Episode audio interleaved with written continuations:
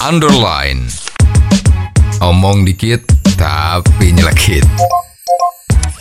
Bersama Om Bob. Temukan di channel YouTube Om Bob Indonesia.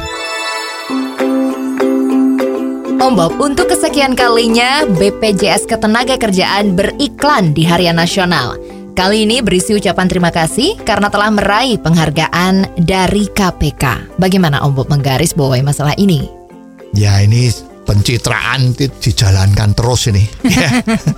BPJS itu kemarin masang iklan seperempat halaman di koran nasional Aha, ya. aha. Kalau nggak salah itu lebih dari satu ya. Aha. Itu mengucapkan terima kasih Betul. kepada KPK. ya.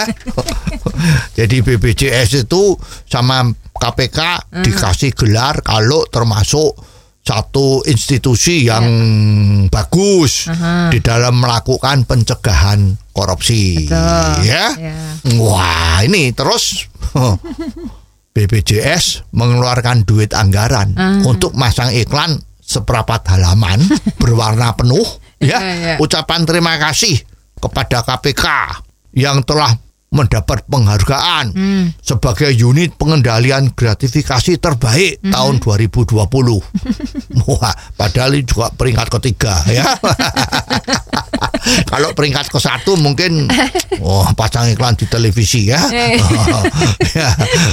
Pertanyaan saya, apakah iklan ini perlu? Ya, Ya, ya, ya. Nah, bagi direksinya perlu supaya orang tahu ya. Paling sedikit memberitahu kalau BPJS itu bersih. Wah, karena pengendalian gratifikasinya bagus ya. ya, ya. Nah, dapat peringkat ketiga. Ya, jadi dengan adanya iklan ini diharapkan masyarakat menjadi wah BPJS bebas korupsi ini. Nah, direksinya hebat nih, gitu kan. Ya, ya. Ya sebetulnya bagi masyarakat itu perlu nggak ini? Ya. Ya tidak perlu.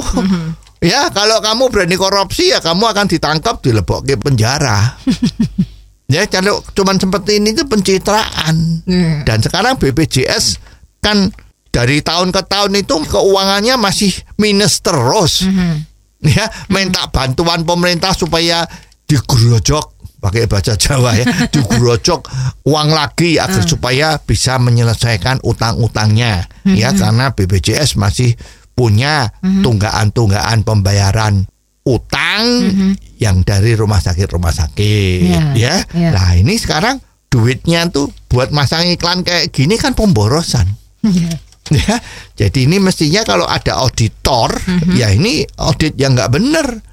Audit itu kan nggak cuman uangnya Ya. dapat 100 dipakai 100 itu berarti betul ya dapat uang 100 dipakai 50 50 masuk kantong. Nah, itu korupsi. Uangnya 100 beli barang 100 tetapi ada diskon yang tidak dilaporkan. Itu masuk korupsi. Sebetulnya audit itu juga begitu. Kalau ada duit 100 ternyata 20 buat pasang iklan yang tidak ada hubungannya dengan pekerjaannya itu mestinya harus dianggap jadi korupsi. Karena ini memakai uang perusahaan untuk kepentingan nama baik dia Ya kan?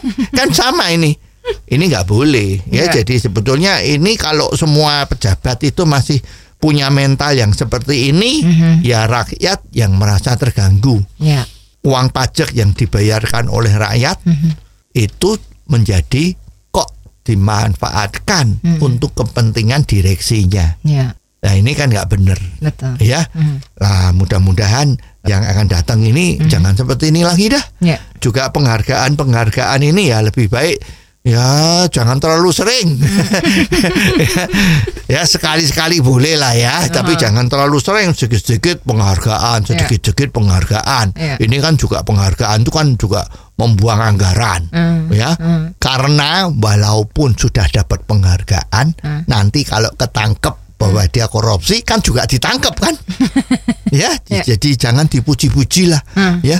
Penyakit orang tuh kalau dipuji-puji biasa takabur jadi lupa. Ya. Ya, kalau sudah lupa yang dirugikan Hmm. masyarakat. Ya. Oh, jadi begitu ya Om Bob. Jelas deh sekarang. Terima kasih Om Bob untuk waktunya. Sampai ketemu lagi di waktu yang akan datang. Underline. Omong dikit tapi nyelekit. Bersama Om